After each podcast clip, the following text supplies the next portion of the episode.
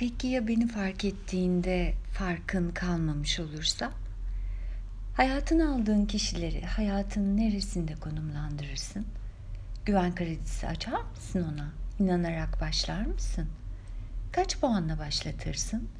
Hiç puan vermeyip çalışıp kazansın diye mi beklersin? Peki bu çok narsistçe olmaz mı? Neyi kazanacak? Seni mi? Sen bir ödül müsün? Geçmişteki yaptığın hataların bedelini ödetir misin ona? Potansiyel suçlu veya potansiyel tehlike gözüyle bakar mısın? Anlamaya çalışır mısın hiç? Önemser misin duygularını? İncinmesini önemser misin? Neleri göze alarak karşına çıktığını görür müsün? Kısacası kıymetini bilir misin hayatına dokunanların, hayatından geçenlerin?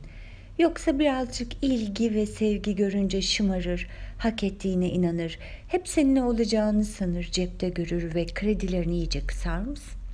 Peki kaybetmekten hiç korkmaz mısın? Herkes bu kadar sever mi sanırsın? Bu sevgi hiç bitmez mi dersin? Sevgi bitmez mi gerçekten? Yoksa bir çiçek gibi sulamazsan ölür mü? Çaba gerektirmez mi?'' Sanıyorum karşındaki annen değilse eğer az değil, çok çaba gerektirir.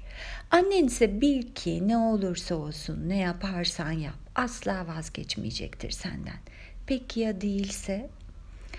İnsan kıymeti bilmenin, dost kıymeti bilmenin öneminden bahsediyorum. Bahsettiğim sadece kadın erkek ilişkisi değil. Elbette o da bu tanımın içine girebilir. Fakat artık hiç kimsenin kıymetini bilmediğimizi düşünüyorum. Belki çok kalabalık çevrelerimiz var ondandır. Fakat çevremizdeki herkesten sadece bir tane var. Hepsi tüm yanlışlarına, kusurlarına rağmen çok ayrı birer değer. Çünkü hepsi seni de tüm kusurlarına rağmen kabul etmiş ve sevmişse bu bile onları özel yapmaz mı? 100 puanla başlamayı hak etmezler mi?'' Baktınız ki bir gün eksi bakiyeye geçti. O zaman hesabı kapatır. O 100 puanınızı başkasına verirsiniz. Hayat bu kadar basitken onu zorlaştırmak niye? Kalabalıklarını görmeyip kendini yalnızlaştırmak neden? Arabi'nin dediği gibi bizler kirlenmemekle değil, temizlenmekle yükümlüyüz. Kirlenin. Kirlenmek güzeldir.